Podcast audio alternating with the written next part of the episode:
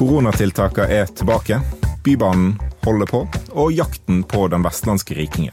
Velkommen til Noen må gå, en podkast fra Bergenstiden. Med meg i studio har jeg Gerd Kjellflot. Hallo. Og politisk redaktør Eirin Eikfjord er tilbake. Hallo, hallo. Og selvfølgelig Morten Myksvold. Hei. Vi er jo eh, på bånn, som resten av Norge, Ja. eh, akkurat nå. Er vi ikke det? Eh, og jeg tenkte vi bare går rett på og eh, hører på grunnen til det. Kjære alle sammen.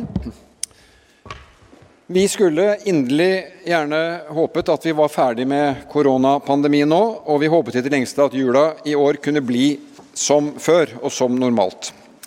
Men nå er situasjonen med smitte likevel så alvorlig at vi må sette inn nye tiltak for å beholde kontroll med pandemien. Dette var statsminister og Grinch eh, Jonas Gahr Støre på var det tirsdag kveld at livene våre gikk i dass. Dagene går i ett. Sitter nå bare hjemme uansett. Sitte hjemme på hjemmekontor, det gjorde vi jo fra før av, da, for så vidt, siden vi bor i Bergen. Um, men uh, ja. Nå eh, Altså, han understreker på denne her pressekonferansen at dette er ikke en nedstenging, men det er jo bare ord. For dette er jo en nedstenging, så den er grei. Og da det får jo mange tragiske følger. En av de aller mest tragiske er selvfølgelig at eh, juleshowet til Noen må gå eh, nå er avlyst. På u, altså utsatt, da, men jeg velger å kalle det avlyst inntil videre. Og det er jo piss!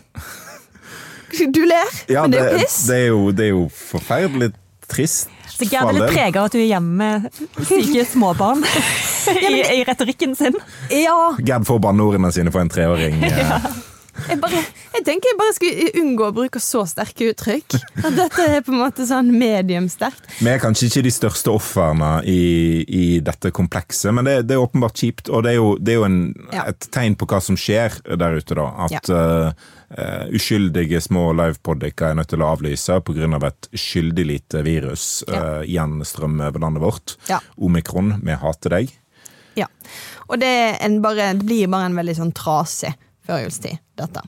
Fordi at folk sine planer går i vasken, og eh, det er jo på en måte det minst farlige. Men Ja. det er kjipt, det òg. Det, Det må være lov å det er mørk tid, dette her. Sant? Det, det er mørkt når du går til heimekontoret, og det er mørkt når du går fra heimekontoret.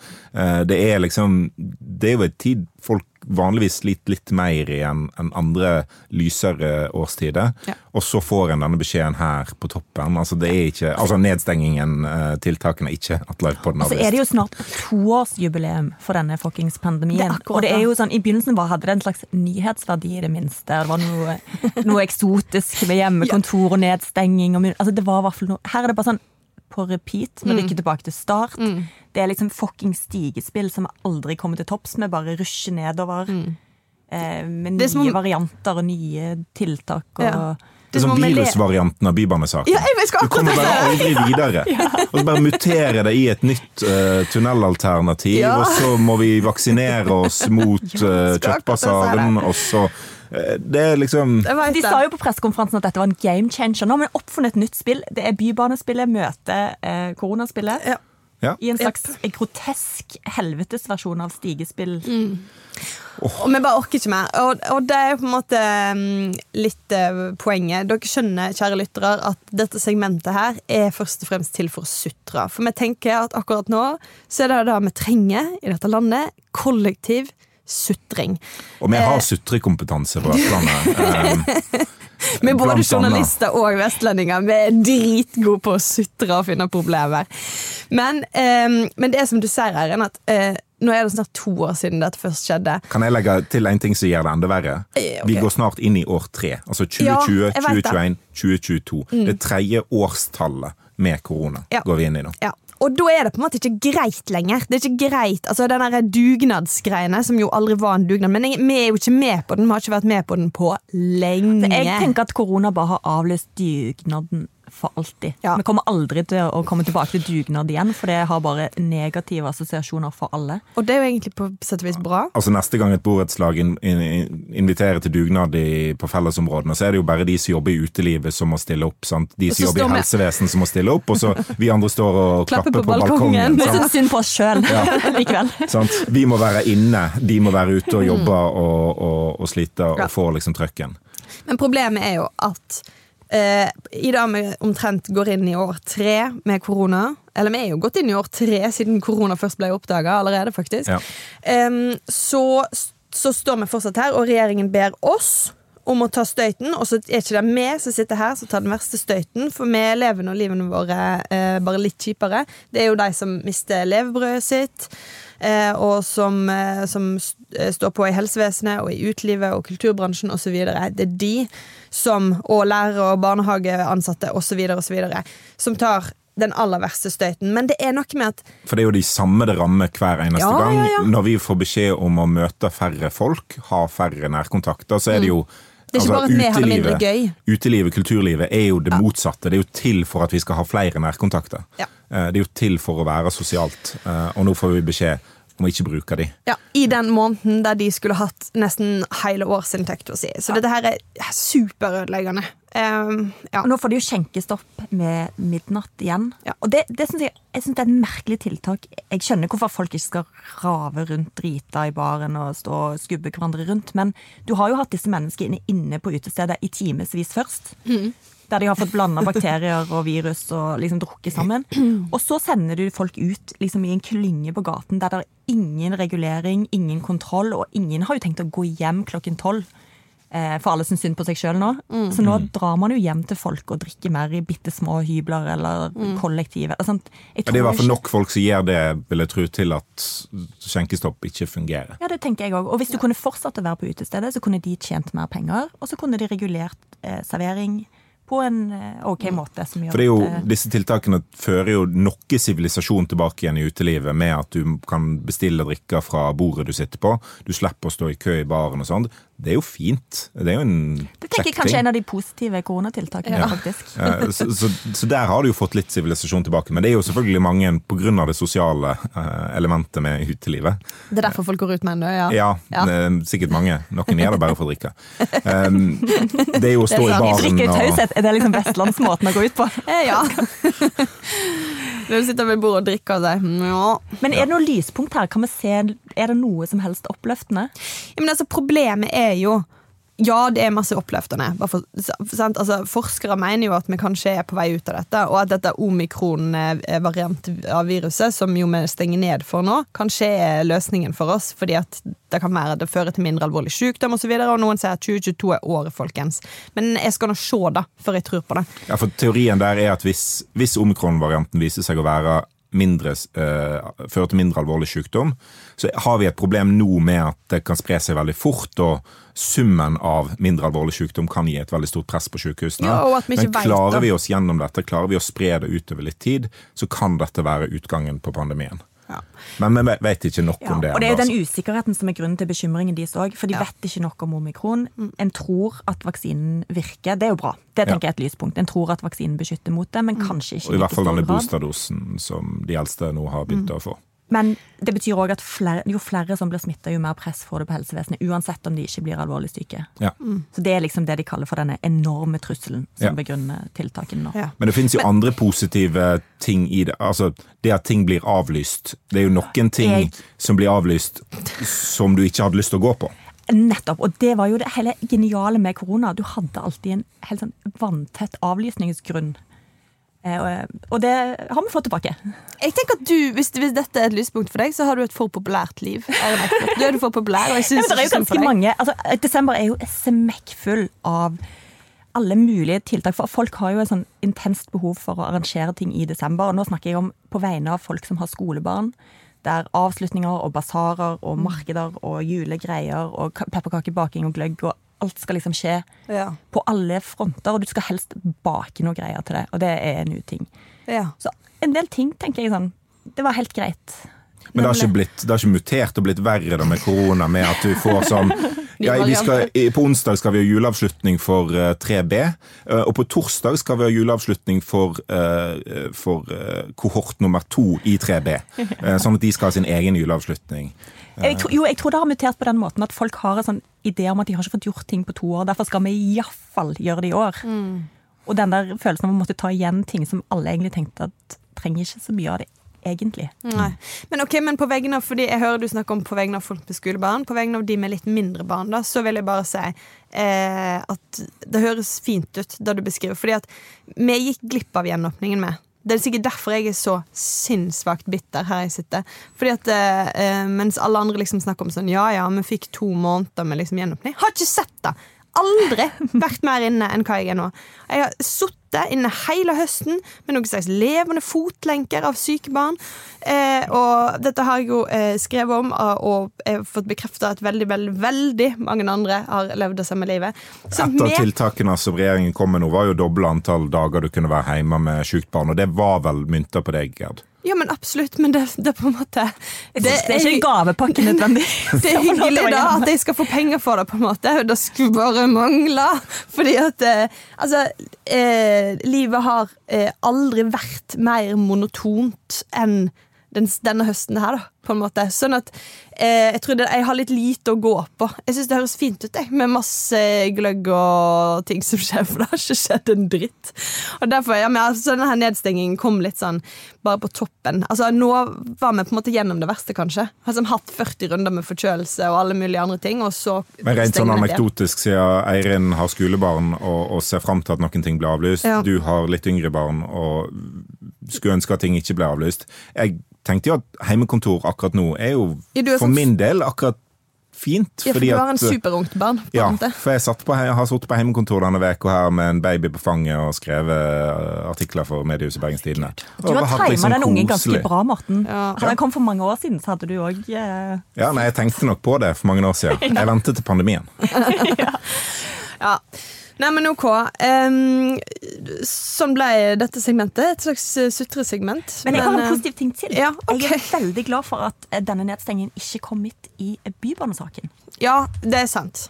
At vi fikk gjennomgå den uh, Uh, skal vi si lidelsen av en Prosessen. Tenk bystyremøte der alt skulle skje, bli nedstengt. Og hadde vært digitalt. digitalt. Ja.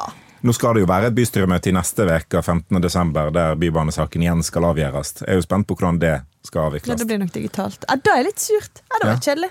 For da får vi liksom ikke de der eh, skuffa folkene på gangen. Men ok, ja, nei, det er sant. Men uansett, det kan jo ikke gå en episode uten at bybanesaken blir drøfta og nevnt. Mm. Um, for, for en stund siden så ble jo situasjonen så desperat at jeg etterlyste en slags gudeskikkelse som liksom kunne fires ned på scenen og redde oss fra alt dette. Mm. I tråd med Bergenstidenes litt kristne grunnsyn? Ja, eller i tråd med sånn, de greske tragediene som jeg ofte kjeler til. ja. Og det var veldig mange som meldte seg, faktisk. Eh, blant annet vår egen eh, Jens Kiel. Men vi vet at som, han har det bare i kjeften. For han var på Østlandet når alt kaos uh, pågikk, og så ja. kom han hjem til Vestlandet. Og da var for sterkt. roer det seg, liksom. Da fikk, fikk han en løsning. Jeg tror kanskje ikke det har med han å gjøre. Nei, nei. Fullstendig tilfeldig. Ja. Men på forrige torsdag så var det tre redningsmenn som troppa opp på losjen for å redde både Bybanen og byrådet. Hør på dette. Det var ikke flertall i bystyret for Bybanen til Åsane i tunnel. Hvorfor? Fordi halvparten av det flertallet aldri vil ha den i tunnel heller. Dette var altså Steinulf Tungesvik, som sammen med Stig Torgersen og Odd Arild Viste brøyt ut fra partiene sine og sikre et flertall for Bybanen over Bryggen. Ja, bybaneeksperter, hva så dere dette komme? Jo, men um, Hva skal vi si, da? Ikke på akkurat den måten, Nei. tror jeg, men idet vi fikk meldingen om at det var en pressekonferanse den kvelden, så var jo visste liksom det var jo et av de Det var den eneste på en måte, personen du kunne tenke at det var, men så var det samtidig ja. rart at det skulle være utbrytere som skulle sikre det hele, og at det ikke var et parti som skulle på en måte um, At det ikke var partiene som ble enige, men Nei. at du måtte liksom det her er jo en reserveløsning, når du må, må liksom ha enkeltbystyrerepresentanter som bryter med partilinjen og um, sikre en løsning en eller andre veien. Vi kan jo være veldig glad for at jobben vår ikke er å er å være spåkone og si dette kommer til å skje. Fordi måten dette skjedde på, tror jeg ingen hadde sett for seg. Um, fordi den var veldig perfekt. Det har vi jo snakket om. Dramaturgien på det hele. Og, ja. Nei, det var, jeg, du merker at det blir sånn drømmende når jeg snakker om det. For det var sånn ja, det var fint. Ja, denne Maskorama-dramaturgien som dere snakket mye om i eh, spesialpodden, som mm. jeg anbefaler hvis noen virkelig vil dykke ned i dette. Men vi kan Ingen jo... vil jo det her. det er jo vår jobb. hvis noen har kommet seg så langt som dette uten å dykke ned i det, så er det kanskje bare, bare ikke. Bare hold dere ut vekke. Bra sales pitch av vår forrige pod der, Gerd. Nei, men Det er jo mange som har dykka ned i det, og de må jo bare marinere seg fortsatt, for det er gøy. Ja. Men skal vi snakke om vinner og taper, da, når denne Ja. situasjonen nå ser i hvert fall avklart ut, om ikke enn løst? Det er jo kanskje for optimistisk å tro på akkurat nå, men vinner og tapere. Eh, Ja. Eh, jeg vet ikke hva vi skal si. Men kan, disse, hvis vi skal begynne med disse tre da, utbryterne Jeg vet ikke om de er vinnere eller tapere. Det kommer an på hvem du spør. Ja. De har jo fått ganske mange eh, støtteerklæringer, og så har de fått eh, ganske mange hatmeldinger siden dette skjedde. Det viser jo bare at dette engasjementet er jo eh, gått over fra å være engasjement til å være for en del folk. Um, noe verre enn da. Men vi må jo berømme de for eh, politisk mot, da. Det, tar, Ja, krever jo litt jeg. å bryte ut av eget parti, risikere sine posisjoner. Og den vreden som kommer både fra folket og sikkert internt. Ja, Og de viser jo- på det de tror på. De viser jo at demokratiet vårt er bygd på enkeltrepresentanter, og at partiene, ja, de er sterke, men det er enkeltrepresentantene som er innvalgte, de som har et ansvar. Gruppa kan ikke alltid bare bestemme seg. Og så blir det sånn. Av og til så, så må en bryte. Og det er sikkert mange, Jeg mener jo at Bybanesaken har elementer av sånne samvittighetsspørsmål på liksom nivå med abort og alle de store tingene der du kanskje bør fristille folk. fordi at mange har jo nok nå stemt mot sin overbevisning i den saken. Ja, og så er det jo at det har jo ingenting med partilinje å gjøre i det hele tatt. Så det er jo på en måte da det har til felles med ganske mange andre ting. For det, altså det, det er ingenting høyre- eller venstreakse over bybanespørsmålet. Altså, du kan trekke en sånn kollektivtrafikk versus privatbilisme-konflikt. Ja, men det er jo om du vil ha bybane eller ikke mer. Ja. Ja, Eh, Den er jo veldig tydelig, og den er jo òg parti sånn, FNB og Frp skiller seg fra de andre, Ja. for eksempel. Så den er jo en klar sånn konfliktlinje. Men det er jo men det er jo mer på en slags eksosakse enn venstre-høyre-aksen likevel. på en Ja. måte.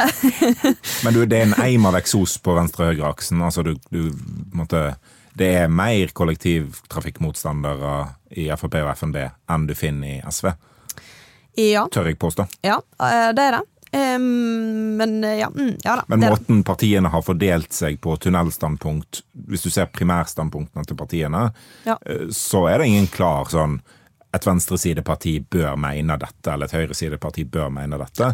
Men jeg ser jo SV har blant annet argumentert med at som et venstresideparti, så må de stemme for den løsningen som sikrer kollektivtilbudet, eh, og som sikrer at det kollektivtilbudet blir noe av. Mm. Og de mener jo at tunnelalternativet var så urealistisk.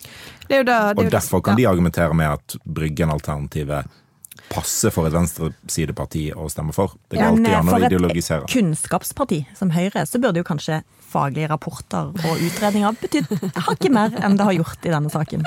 Ja. Ja, de vil være veldig uenige med deg der, da, men eh, ja. Nei, det man kan man jo si. Men Um, Høyre, da, er de en eh, vinner eller er de en taper i denne saken? Vinner. Tror du det? Ja. De tapte jo ja. etter å ha vunnet. Eh, men jeg tror de vinner langløp. Hvordan det? Eh, jeg tror at eh, Dette har vi jo snakka om eh, før, og du har skrevet litt om det òg, men, eh, men eh, det aller, aller enkleste for Høyre er jo eh, å bli kvitt denne saken, som har vært en verkebyll for det partiet der i så mange år. De må få den ut av verden og vekk, sånn at de kan bli et normalt parti igjen, på sett og vis. Ja, og de fikk den ut av verden uten å måtte snu. De Ja. kan bare stå på sitt standpunkt Ja. og skylde på de andre, og at det var rotete og uparlamentarisk, alt det de sier.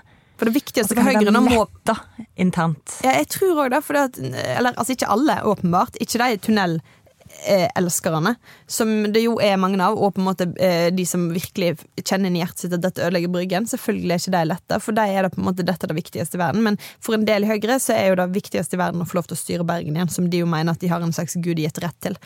Um, siden eh, Bergen er en borgerlig by. Eh, det er jo sant de sier. Ja, ja. Um, sant? Og de har jo bare eh, sant? Det er liksom Hvis du snakker med um, enkelte folk i Høyre, så er det som om det er sånn herre eh, Vi skal bare få natur eh, Altså liksom Alt skal være i balanse igjen, sånn at naturlovene kan få virke, og vi får tilbake Bergen, sty eller styringen over Bergen. Det er liksom sånn de ser på det, da. Ja. Og i 2023 så går jo Harald Viktor Hove har jo gått rundt lenge og sagt når jeg blir byrådsleder i 2023, um, så uh, For at det skal skje, så må de ha noen å samarbeide med. Uh, Frp er et uh, høgst ustabilt parti å samarbeide med. Hva det blir til av FNB og alle som noen gang stemte FNB, det vet vi ikke. Sånn at de må ha tilbake KrF og Venstre, som jo er Bryggen eh, eh, ekstremister. Da må det være lov å si. Ja. Eh, og da måtte denne saken ut av verden. Ja. Og så har du jo det at disse velgerne som nå ikke Altså som, som, som er veldig opptatt av tunnel, og som ikke kan stemme på FNB lenger fordi at de bare forvitrer og forsvinner, og det er kanskje ikke Det er jo et nytt tunnelparti da som kanskje kan seile opp, men mange vil kanskje gå tilbake til Høyre. Ja. Det får en i hvert fall tro. At de Ja. har vist seg, hvis de har stått på tunnelstandpunktet sitt. Mm. Og, og har snudd ville jo vært katastrofe. Ja. Kan jeg lansere en eh, vinner til Eller hadde du mer om Høyre, Gerd? Eh, nei da. Nei, bare gå videre, du. Menn. Menn er den store vinneren igjen. Den vinner alt, uansett. Alt Det var tre menn eh, som møtte pressa på Og de aller fleste i pressa var jo menn eh, den kvelden. Eh, vel med unntak fra deg, Gerd. Er det sant? Herregud, hva er om at, meg? altså, På vegne av kvinner i pressen. I Jeg har jo prøvd å skulke samferdselsdekning i alle år. Ja. Um, Men det nå- var, altså, det var altså tre menn på losjen bar som møtte oss. Ja. Så gikk vi bort til, eh, til Roger Valhammer, som én en mann, uh, som møtte presset. Så møtte Roger Valhammer disse utbryterne, som ja, selvfølgelig fortsatt er menn, uh, sammen med uh, andre menn eh, fra SV, Venstre og, og KrF Og MDG. og MDG. Eh, sammen satt det 100 menn rundt bordet når denne avtalen mellom de mannlige utbryterne og det mannlige byrådet og de mannlige støttepartiene fant ut at Bybanen skulle gå langs Bryggen. Så dette var en stor seier for menn. I Bybanen I måneden der mannedagen eh, var. Jeg bare legger til at Da jeg etterlyste en gudeskikkelse, så var det bare menn som meldte seg. Ja. Åpenbart. Men altså Dette ser jo mer om altså dette, ja, At bergenspolitikken har noen alvorlige problemer de må ta tak i. Herregud. Det var jo sånn at Sofie Marhaug var den eneste toppkandidaten eh, blant toppkandidat. partiene som var inne i bystyret. Så kom jo Turi Sveen inn òg for Pensjonistpartiet, så Ja. hun var jo eh, kvinne nummer to. Nå er jo hun uavhengig eh, i bystyret, men leder jo på en måte sin egen eh, gruppe. Uavhengig gruppe. Sofie Marhaug har gått ut, Odd Arild Viste erstatter hun, så mannsdominansen økte. Men nå har jo Odd Arild Viste blitt kasta som gruppeleder og blitt Mm. erstatta av uh, ei kvinne, uh, Mailis Solheim Åker, Åkerblom. Ja. Så kjønnsbalansen har blitt Eh, Eh, Gjenoppretta. eh, ja, den, den derre én av ti eh, må være kvinne kjønnsbalansen den den naturlige balansen. Og så litt sånn anekdotisk bevis, da. Men eh, fra folket så er jo sikkert 99% av de som deltar i kommentarfeltene, og de er veldig mange i denne saken, menn. Ja. Og de som skriver leserinnlegg, Det er. Jeg skulle ønske å sett en parallell virkelighet. En slags annen dimensjon der Bergen òg skulle Egalias døtre-versjon av Bybanen. der, der Bergen skulle bygge Bybanen, og det var kvinner som skulle bestemme hvor han skulle gå. Hadde det gått bedre, eller hadde det gått like ille? Jeg vet ikke. De er jo bergensere uansett. Det er helt sant. Um, Så kjønnet kan kanskje underordnet. ja, nå skal jeg nå, ja, for jeg tenkte sånn, å ja, da hadde det sikkert løst seg, men jeg mm, trekker det kanskje tilbake. Vet ikke. Vi får se. Ingen garanti. Nei, ingen garantier, men, men jeg tror kanskje vi skal ta og bare liksom si at uh, det der valget i 2023 som har nevnt, det her må de fikse. Det er snart tid for nominasjon i, eh, fram mot kommunevalget. Mhm. Og det er jo ikke sånn at KrF kan velge, bør velge en kvinnelig partitopp bare fordi Venstre velger en mannlig, og dermed skape balanse, men det er jo fint om noen velger en kvinnelig eh, Ja, for det fins jo kvinner der ute. Det har jeg sett. Absolutt. Ja. Jeg har også snakket med dem. Det virker som de kan et og annet. Um, ja, men uh, Roger Valhammer, er han en vinner oppi dette her? Nei, han vil jeg si kanskje en taper. Han har fått gjennom den viktigste saken for byrådet I sin periode, ja. på seks år. ja. Så sånn sett så han vant, men nå er han ferdig med å vinne, og heretter så tror jeg eh, dessverre at han eh, eh, må tape. For Logikken din der er at Bybanen langs Bryggen er det som har holdt koalisjonen til Roger Valhammer sammen. Ja. Antar jeg. For hvis jeg mener at eh, nå kan Høyre endelig finne sammen med KrF og Venstre igjen, så må jo da også bety at KrF og Venstre sier eh, sayonara Arbeiderpartiet. Hyggelig at dere fikser Bybanen og Bryggen. Hyggelig at du hang deg på korset for denne saken. ja. Nå stikker vi. Vi stikker over til den andre sida på tredje dagen. Ja. Men tror du på det? Tror du at uh, ikke minnet om bybanesaken sitter litt i hos KrF Venstre og tenker Jo, Høyre er liksom ikke Hvis de snur uh, i bybanesaken og stemmer for reguleringsplan våren 2023, Ja. så tror jo ikke jeg at alle i KrF Venstre tenker at Høyre er et parti en kan stole på i bybanesaken. Nei. Bare sånn helt automatisk. Det krever jo en oppbygging av tillit. Men det er jo klart, altså, Jeg tror at Roger Valame har en sjanse til å bli gjenvalgt uh, i 2023. Fordi at han har skapt et sterkt lim Ja. mellom partiene. Uh, nå har han jo selvfølgelig en utfordring med støttepartiene Rødt og, og Senterpartiet, som har blitt splitta ganske kraftig Mm. i bybanesaken. Men blant byrådspartiene og SV så står de ganske tett sammen akkurat nå. Ja. Uh, og klart KrF og Venstre, det er mange folk der som er lei av eh, rekommunalisering og, alt mulig. Ja, det tror jeg. Men jeg tror Men hvis Men jeg jeg tror ikke de er klar til å bare gå over til, til eh, Harald Viktor Nei, men det er ikke valg før i 2023, og det er ganske lenge til. Men jeg tror, ok, hvis jeg skal, eh, hvis jeg skal omformulere det, da, så tror jeg egentlig at eh, hvis vi kjenner KrF rett KrF har jo styrt denne byen i 40 år i strekk. Så eh, bottom line så kommer det bare an på hvem de kan få makta med. Og så Ja, for de blir bare sittende, de, de sitter stabilt i byråd, og Ja. så bare veksler de andre på Høyre og på Høyre KrF var vel ute av byråd fra 2014 til 2015. Ja. Et drøyt år. Det Ja. var ett år av ca. 50. Ja, for Denne gangen var det bare åtte dager. Det var jo en liten, liten periode. Ja, og så brøt de òg med, med byrådet i forhandlingene etter 2019-valget. I ei og ukes tid? Ja. Ja, sånn noenlunde. Altså, KrF eh, Det er bare Bybanen som får de til å gå ut av byrådet, faktisk. Ja. Ja, Det er det eller at de må sitte i samme rom som SV over lengre tid. Men det må de kanskje bare bli vant til. Ja. Nei da, som jeg forstår. Men eh, så kan man, hvis, hvis det er Høyre, hvis det her tunnelpartiet til Trond Tystad eh, slår an, og, og FNB fortsatt klarer å, å gjennomstå fra de døde og alt sånt, I hvert fall få noen mandat. ja, sånn at de ødelegger for Høyre, og at det ikke er så lett å danne flertall med Høyre, så stikker selvfølgelig KrF og Venstre og fortsetter å være med Arbeiderpartiet. Men jeg bare tror kanskje at eh, at eh, de føler på at eh, de har lyst til å prøve noe annet. Jeg tror hvis, hvis jeg hadde styrt sjappa i Høyre akkurat nå, så hadde jeg begynt å se på både KrF, Venstre og MDG og tenkt at her finnes det kanskje et styringsdyktig ah, ja, alternativ. Mm. eh, Lokka, som kan lokka. eh, gjøre at en klarer å legge den litt rotete høyresida eh, bak seg, og prøve å, å gjøre akkurat som Harald Schjelderup gjorde i 2015, Mm. knabbe sentrum. Det er det det handler om. Ja. Eh, bare én ting på slutten. BA har hatt eh, et par oppslag om målinger eh, etter uh, denne bybanefeiden. Eh, og der viser det seg at det er en litt sånn uklar reaksjon fra bergenserne. Hadde du sett? Hæ, Bergenserne bruker vær så veldig sånn Ingen tydelig signal. Med uklar mener du splitta? Ja, eh, for den ene saken der var det at Bybanen langs Bryggen hadde nå eh, plutselig 47-40 i fordeling mellom hvem som støtter Bybanen langs Bryggen og tunnel. Altså Bybanen langs Bryggen var mer populær enn Bybanen i tunnel. Og det er jo første gang ever, eller? Ja, og da, tar du, da har de tatt vekk de som ikke ville ha Bybanen i det hele tatt. Men okay. ja. tallet på de som ikke ville ha Bybanen i det hele tatt, var rekordlavt. Det var sånn 12 eh, Og det er jo mm, nesten ingen. Ja. Eh, eh, så, så der virker det jo som om på en måte, bergenserne nå sa at i- Bybanen må gå til Åsane, og akkurat nå, når det har snudd enda en gang, så er det mest realistiske måten å bygge Anlandsbryggen. Ja. Men så kommer de med et partibarometer kort tid senere, eh, som er tatt opp i samme periode. Og da har Høyre gått fram, Ap gått tilbake igjen, og tunnelpartiene har flertall.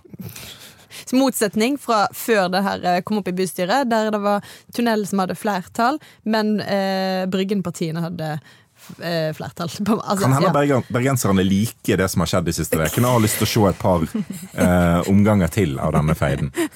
Gudene vet. det. jeg tror det. Ny sesong, Ja, ny sesong, ny sesong. alle er resignert for eh, 2022 og 2023, så det blir episoder. Ok, Vi går videre til vår faste spalte og Vestland, og i dag så skal vi telle penger. Yes. I går onsdag så kom eh, skattelistene, og da er jo spørsmålet hvem er rikest i kommunen, i fylket, i landet?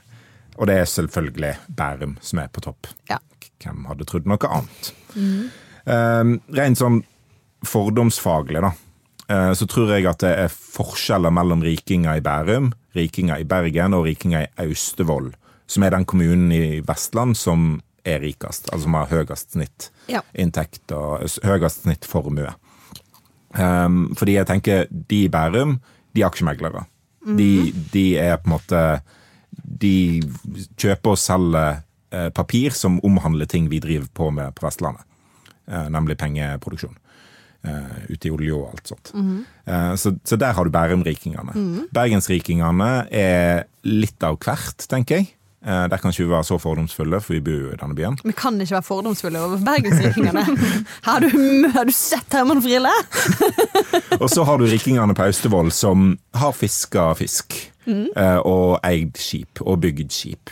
Eh, Så du har liksom det, det er ulik lukt da, av en Bærum-riking og en Austevoll-riking. Det lukter litt mer fisk og litt mer sjø ute på Austevoll. De har sånne arbeidshender på Austevoll. Ja. Selv om de til å telle pengene med, så er det sånne grove tomler. Ja, Men spørsmålet mitt er egentlig fins det en riking som er mer vestlandsk enn den Austevoll-rikingen? Den som har egentlig tatt uh, det vestlendingen er kjent for, nemlig fisking, eh, til eh, milliardærklassen. Uh, for BT har hatt noen saker opp gjennom tida med stort sett litt eldre eh, Jeg tenker umiddelbart på den gnitalusrikingen. Ja. Um, han hette da Jan Kjærevik. BT intervjuet han i, i 2017. Fra Kvinnherad. Yes. Varaldsøy Kvinnherad. Ja da, ja da. Bor i litt sånn falleferdig hus. Han burde vel strengt tatt er brakka ved Ja. siden av det falleferdige huset sitt. Ja. uh, og det sto liksom i saken at. Ja. hvis du, hvis du ser han her, så tenker du kanskje ikke at han har 25 millioner på bok, Nei. men det hadde han. For han gikk konstant i en sånn motorsagbukse. Ja. Og det var mye det han drev med. Han kløvde ved Ja. dagen lang. Og så er det klart Han har blitt rik på, eh, på aksjefond. Ja, Altså, så han mye det samme samme som spare- Bærum-folkene, egentlig. Han, han begynte å spare i aksjefond, men grunnen til at han kunne spare i aksjefond, var ikke fordi at han hadde en eh, godt betalt jobb der han eh, eh, da kunne sette av en del til, til sparing. Han bare brukte ikke penger. Um, og han, han sier da i den saken Jeg har vært en gnitalus hele livet. Selv i militæret med fire kroner dagen la jeg meg opp penger. Men da koster heller ikke halvliteren i Stavanger mer enn 3,75. Så da sparte han 0,25 på hver eh, Det er sånn, Drikker du en halvliter om dagen, så har du 25 øre å leve for. Så hvordan klarer du å spare? Men det klarte han. Han ble ufør på 90-tallet og begynte å spare i Skandia-fondet. Eh, og har til nå spart, eller i hvert fall til, da i 2017, Ja. gjort seg opp en formue på 25 millioner. Og spørsmålet er er det den mest vestlandske rikingen? Den typen? Ja, altså han, Jeg vil jo si han her er en ganske unik karakter, da. Men eh, nå er jo han fra en, en del av eh, min kommune, eh, og en annen del av der jeg, enn der jeg kommer fra. Men også der jeg kommer fra, har vi på en måte lignende figurer. En ungkar som har som- ikke brukt penger på 40 år? I, ja, altså den rikeste personen i det området jeg kommer fra, eh, har alltid vært en fyr som eh, er akkurat denne her karakteristikken, ja. Ja. Eh, bor alene, eh, bruker ingen penger. Eh, har vi ikke penger. Og dette vet jeg selvfølgelig. Altså, det her, for når man må si at det her er kunnskap som alle selvfølgelig har, fordi at lokalavisene eh, publiserer såkalte millionærlister. En grufull oppfinnelse i bygdesamfunn. Helt forferdelig. Alle går rundt og bare Å ja, det, ja. ja. Han har lagt seg opp litt penger, han. Ikke rart du kan kjøpe Jarlsberg og ikke mm. andre osten, ja. Ja, men Du var på millionærlista, du. Sånn sier det. Da burde du ha kjøpt lodd når eh, skolemusikken var eh, For et umenneskelig press du legger på de på millionærlisten. Det er helt grufullt at folk sitter der og nileser. Nå har det etter hvert har jeg skjønt blitt sånn at det er såpass mange millionærer også i den kommunen jeg kommer fra, at de, de har begynt å måtte heve baren litt. Så nå er det sånn 2,5 millionær-lista oppover. Men ja, men i hvert fall, da. Um, derfor på en måte vet man jo at uh, der borte bor han. Ja, han Det er jo perfekt med et lite sånn millionærbilag i lokalavisen, der du kan drive sånn målretta loddsalg Ja. for alle idrettslag og alle sånn, som skal melke folk for penger. Men tingen er, du vet jo egentlig da hvem du ikke skal gå til. For det er jo ikke han som har spart seg opp 10 millioner ved å ikke bruke penger og spart de pengene Blåser ikke alt på Han liksom kjøper kaker fra ikke, det lokale idrettslaget. han kjøper ikke året i årets saler, altså. Men det fins forskjellige, da. For én ting er på en måte de som er sånn som han her på, på Varaldsøy, som er supergnitende og ikke bruker penger på noe. For det er jo han veldig åpen om og på en måte stolt av at han bruker ingen penger. Han pusser ikke opp huset fordi da gjør han det jo det etter sin smak, og så de som skal overta huset etter han, har kanskje sin egen smak, og da blir det bortkasta penger. Ja. Ja, men da, og da, Altså Hvis du tar sånn motorsagbukse, så tror jeg at han har rett. ja, Det er ikke, jeg tror jo den smaken er litt sånn ja. Men, middels estetisk. ja, jeg, jeg er jo ja, enig i det du sier der. Men de lar ting forfalle, da. Og da er jo på en måte ikke det er jo ikke det rette, på en måte. Altså, hvis vi skal liksom, altså, jeg vil jo si at eh, det er mer Vestland skal være nøysomt enn gniten. da. Ja. Det finnes noen som er, har lagt seg opp penger med å være gnitne, og så finnes det de som har lagt seg opp penger med å være nøysomme. Og jeg tror ikke du kan si at det er en vestlandsk verdi å ville etterlate gården i bedre forfatning enn den sånn du overtok den sjøl. Det tror jeg er en generelt sett Ja. uh, eh, verdi i uh, Det bondesamfunn og, og ja. Ja. Men, men, det, men, men da, sånn er det, og det er en veldig sånn eh, Jeg er oppdratt veldig sånn. Min Ja. far har et uttrykk som jeg nå skal lære dere, og det er, som han har sagt alltid, det er at du må hegde fra låtje. Og det er det ingen som skjønner noe av. Men Hva, eh, hva, hva lokk er det du må hegne om? hvis, ok, det jeg ser for meg, da, er hvis du har et glass fullt av penger Ja? så må du hegde fra låtje. Altså, du må begynne å spare helt fra det er fullt. Altså, Du må ikke vente med å spare til du bare har noen kroner igjen i bunn. Du må være nøysom og spare helt fra du har Du det fulle glasset alltid ha full sparebørse.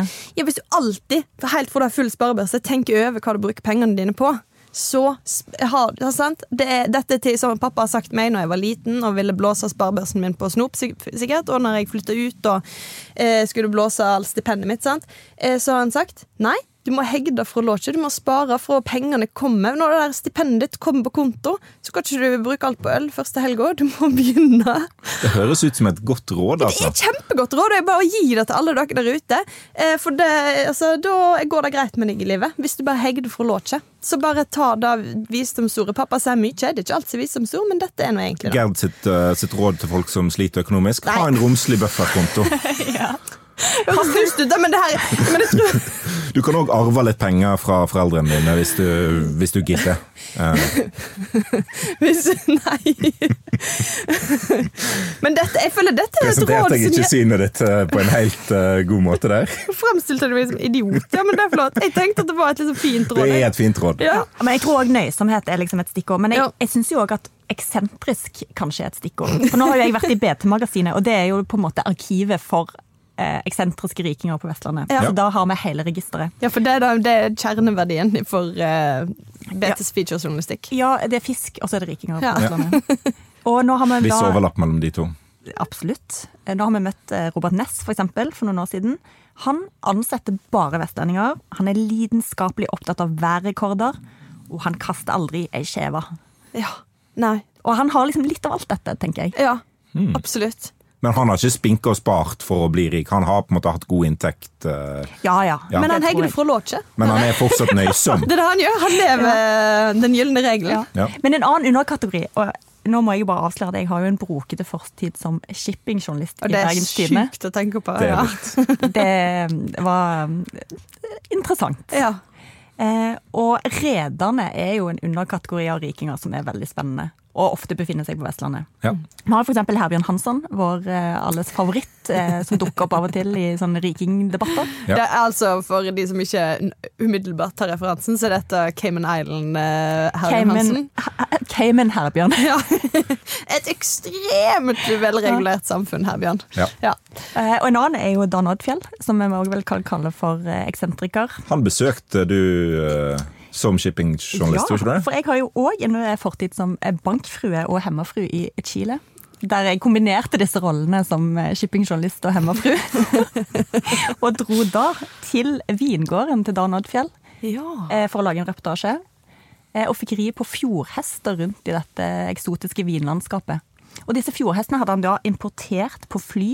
Snedig nok eh, gjort de gravide på forhånd i hemmelighet, sånn at du liksom importerte dobbelt så mange hester som du offisielt importerte. Ja, okay, for Nå datt jeg ut bitte øyeblikk Han sa sikkert til Chile når de reagerte på det. Altså, klarer du én, så klarer du to. Men det er jo helt åpenbart at hvis du har en vingård i Chile, så vil du ha noen fjordhester som Ja. vandrer rundt. Bare Det tenker jeg er helt sånn logisk. Jeg hørte bare importerte, og så hørte jeg gravid, og så var jeg sånn Hæ, er det mennesker? Men det var hester. Det var hester. Ja, Drektige, må du si da. De, dyr er ikke gravide, de er drektige, Erna Eikfjord. Det var du helt sikkert rett i. De hadde en liten hestebaby i magen. Nei, de hadde ikke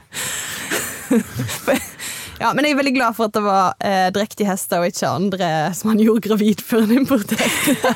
ok, vi går videre. Det hadde vært en sak. Det finnes i hvert fall bildebevis av meg som sitter på sånne fjordinger i eh, Ja. Rir rundt på fjordinger sammen med Dan Oddfjell. fantastisk liv. Ja. Um, ja, og, men det er sant, dette er jo også vestlandske rikinger i Chile. Ja. Så konklusjonen er egentlig at den vestlandske rikingen er rimelig mangfoldig. Ja. Hvem skulle trodd Hvem skulle trodd? at det var litt forskjell eh, på folk? Før vi avslutter dette segmentet, så må jeg lese opp en eh, tweet, tenker jeg. Eh, og det, det er ikke ofte vi gjør, men Anders Totland, ivrig lytter. Eh, en, av de, eh, ja, en av de som eh, skulle reise til Bergen for å se livepodikken. Eh, Nå minte du meg på det, ja. ja. Mhm. Han skrev på Twitter, eh, som en slags innspill til eh, skattelistesakene.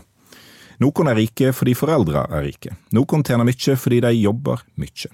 Noen tjener lite selv om de jobber mye. Noen tjener mye selv om de jobber lite. Noen kan ikke jobbe mer uansett. Noen kommer til å komme, noen må gå. Det er vakkert. Ja, det er fint. Ja. Vi har gode lyttere. Det er ingenting å tilføye nå. Absolutt ingenting. Jeg vil tilføye at allikevel så har jeg lyst til å snoke litt på eh, naboene på millionærlista. Ja. For du driver med det. Nei, jeg gjør det! Nå prøvde jeg å leve meg inn i alle, alle Veldig mange gjør det. Jeg, av, av og til snoker jeg bitte litt. Det er litt nyttig å snoke bitte litt. ja. Dessuten er vi jo alle Oi, oi, oi! Det glemte vi å si! For, for uh, vi blir jo alle uh, Det her er jo helt nytt for meg, som ikke har vært kommentator så lenge, men blir jo hengt ut på, på sånne snokesaker. Medie24 Og du, Morten Myksvold Ja. fra Nordland, ja. du har også blitt hengt ut i lokalavisa i Ja. en sånn eh, Jeg skulle til å si ikke akkurat millionærliste, da. Nei, det ikke sånn. akkurat millionærliste. Det må vi si. Hvem er det som har lønnsansvar i denne poddiken her? Nei, eller? jeg veit ikke, jeg. Det er vel det Men du får være kjendis pga. denne poddiken her, og det er det som er saken. Morten. Ja, det er en Eikfjord med lønnsansvar. Men eh, ja. Du har blitt eh, laga sak på, eller altså, eh, du er med, for du er en av Nordhordlands kjendiser, og det er så morsomt! Det er jo Da har du måte ikke mange å ta av. Nei, en har ikke masse å ta av, og på den lista så tror jeg jeg var på 13. plass med det som jeg vil si er eh, altså, god, men rimelig alminnelig. Den Inntekt. normale årslønn, ish. Ja, det er litt høyere enn en normal årslønn, det må en kunne si. Hør på han. Hvem var det som toppa listen, da? Det var um, Kevin Vågenes. Kevin Vågenes. Tenk at du er i en sak sammen med Kevin Vågenes. Ja, mor mi har vært læreren hans. Ja, han er likevel Det, Dette er stort. Det er stort. det er det nærmeste du kommer Kevin Vågenes på, på mange måter, tror jeg. Jeg synes det er Tolv plasser unna. altså det, ja. Til neste år så kan vi gjøre noe med det, Eirin. Absolutt. Ok. Før vi avslutter, er det noen som må gå denne veka? Eh, Ingen, fordi vi må være hjemme. ja, Takk, omikron. piss. Takk til alle uvaksinerte som tvinger oss til å sitte på hjemmekontor. Noen må gå og vaksinere seg, Ja. tenker jeg. Skjerp dere, Ja. folkens. Det er, det er uvaksinerte som eh, er innlagt, i stor grad. I hvert fall overrepresentert. Ja, De det synes drar jeg. oss med ned, altså. Ok, vi kommer med en ny episode neste torsdag. Vi Skulle selvfølgelig sur. vært en livepod, men vi får lage en vanlig episode da. Ja, vi er sikkert sur og irritert den dagen òg. Intromusikk det var i hvert fall 'Bergensere' av Bjørn Torske. Produsent er Arve Stigen. Du finner podden i BT-appen eller hvor enn du laster ned podkast fra verdensveven. Ha det bra. Ha det! God omikron.